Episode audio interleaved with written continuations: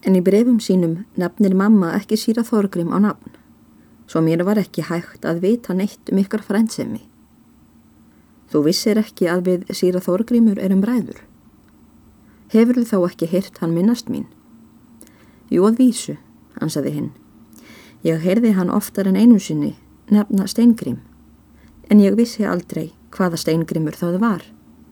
Því hann átti þá ætið tal við konuna sína og þurfti ekki að nefna meira fyrir henni og síst datt mér í hug að það væri þessi maður. Ég hafði í raun og veru enga hugmynd um frændsemi okkar síra Þorgríms fyrir en ég heyrði það á þínum orðum hér í stofunni að þið værið bræður. Og já, þú varst heldur ekki á hofi nema um sumartíman. Það var einmitt það, sagði Adalstein. Og um þennan tíma umgegst ég hjónin í rauninni ekki svo mikið. Því ég var þá við heiskapin að nafninu og ofta ekki heima nema á nóttunni. Þar af kemur að ég heyrði síra Þorgrim reyndar sjaldan minnast á þig. Ég er nú meirinn hissa af þessu öllu saman, mælti Steingrimur. Von var að þér bregði í kvöld. Ég tók annars eftir því þegar ég fór að spyrja ykkur um bref frá bróður mínum. Já, mér brá ekki lítið í brún. Já, ég steini minn elskulegur. Þetta hefur allt snúist blessunarlega. Gæfan er orðin sterkar en ógæfan og guðu sér lof. Þegar hér var komið samtalið feðgana var orðið svo áliðið kvöldsins að komið var fast að háttatíma. Steingrimur tekur eftir þessu og segir við svonsinn. Við erum alveg búinir að gleima tímanum vinnur minn. Þú sem ert langferða maður, svangur og sifjaður. Þú farið kvorki að borðan ég kvíla þig. Viltu nú ekki koma með mér í annað herbergi og fá þér næringu? Ekkert líkur á, svarði hinn. Ég er kvorki svangur nýð þreytur. Ég unni mér hérna mjög vel. Þú ættir nú heldur að segja mér eitthvað af þínum hugum, því mér er nú forvitni á að heyra það. Æ, það er ekki mikið að segja, góður minn. Ég hef lifað einlifi um dagana og aldrei hvænst og ekkert barn á ég nema þig.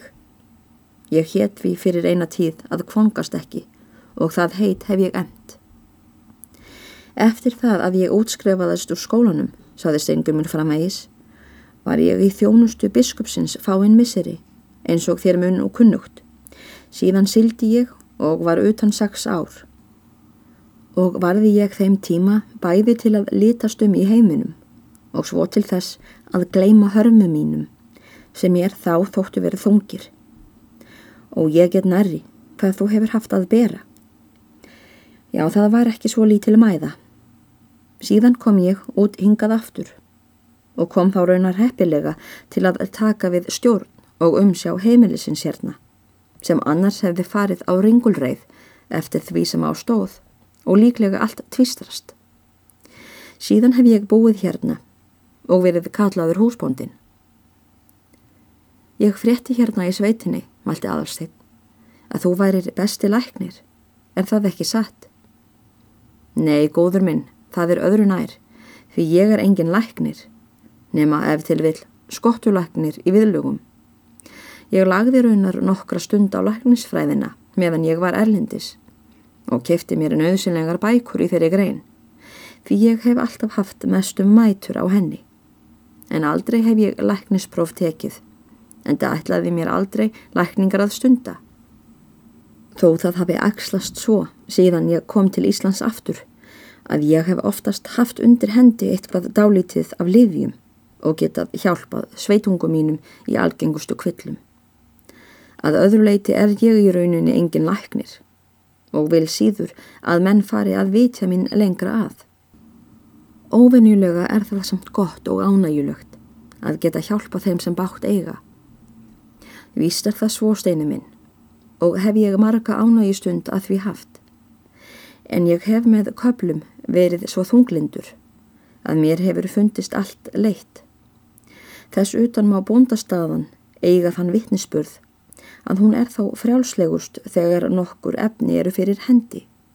Maður er þá sinn eigin húsbóndi og er ekki svo lítið í það varið. Það hlýtur nú að vera hverju orði sannara en bætti smaðurinn er þjóttnin en bóndin er húsbóndin. Það hefur mér alltaf fundist. Eftir þetta var þögn. Feðgarnir sátu sinn hvora megin við borðið og skemmtu sér vel með viðræðunni. Stunurnar uppi á loftinu voru þagnaðar fyrir stundar korni og bara nú ekki án einu. Það var að ráða sem hlut aðeingandi hefði fengið kvild í værum blundi. Eftir skammamál kvild tók steingrimur aftur til orða og mælti. Heyrðu aðalstein, hefur þú nokkur tíma heimsótt síra Sigurð gamla, móður frænda þinn? Jú, einu sinni hef ég komið til hans. Það var fyrsta skóla árið mitt. Síðan hef ég ekki heimsótt hann. Og hann mun ekkert hafa hjálpað þér? Nei, og skoraði þó biskupin á hann oftar en einu sinni. Þessu trúi ég vel. Ég þekkti þann Karl hér fyrrum. Hann var ekki allra meðfæri og nokkuð fastur við sinn keip. En nú skaltu gera eitt. Komdu við hjá honum í heimleiðinni, þótt það kunni að vera þeirra krókur, og skilaðu honum hverju minni. Hann mun kannast við mig að fornu fari og segðu honum eins og er að þú sért nú orðin Steingrímsson. Það held ég nú að síra Sigurður verði skrítinn. Nokkuð svona. Vittu hvað honum verður að orði. Það er ekki víst að honum fallist svo mikið um það. Ég skal gera það, mælti aðalsteg. Ég skal koma við hjá honum á heimleiðinni. Ég hlæfa alltaf meira að honum nú, segir hann brosandi, en við haldur lóum um veturinn. Nú, Já, við vorum nærið orðnir okkur til skammar sem von var. Það var allt svo hlægilegt og serviskulegt inni hjá Karlinum og hann sjálfur prjónandi innan um allt saman. Já, þið hafið nú verið galkopar í þá daga, sagði Seingrimur og brosti að síni sínum. Spurðu Karlin hvort hann muni eftir því þegar ég heimsótti hann síðast. Aðalstinn lofaði því. Þá á ég eftir að spyrja þig að einu sagði Steingrimur eftir stuttamálkvild. Hver var sá sem gæti vísa þér á skjölin í græna kislinum í sumar? Það var, skal ég segja þér, konan á neðstabæ, Sigurbjörg aði nafni, malti aðalstein. Besta vinkona mömmu sálugu og að öllu leiti ágættis kona. Hún hefur reynst mér mæta vel í því öllu. Móður þín hefur falið henni þetta á hendur og trúað henni fyrir því. Já, og Sigurbjörg hefur alltaf geimti fyrir mig græna kistilinn eftir undir lægi móður minnar og hún geimir hann enn. Hún geimir hann já og síra Þorgrimur hefur þá aldrei séð hann. Aldrei. Enda hefði hann óðar að kannast við hann því að þessi kistil hefur verið kjörgripur í okkar ætt og gengið manna fram af manni í föðurættinni.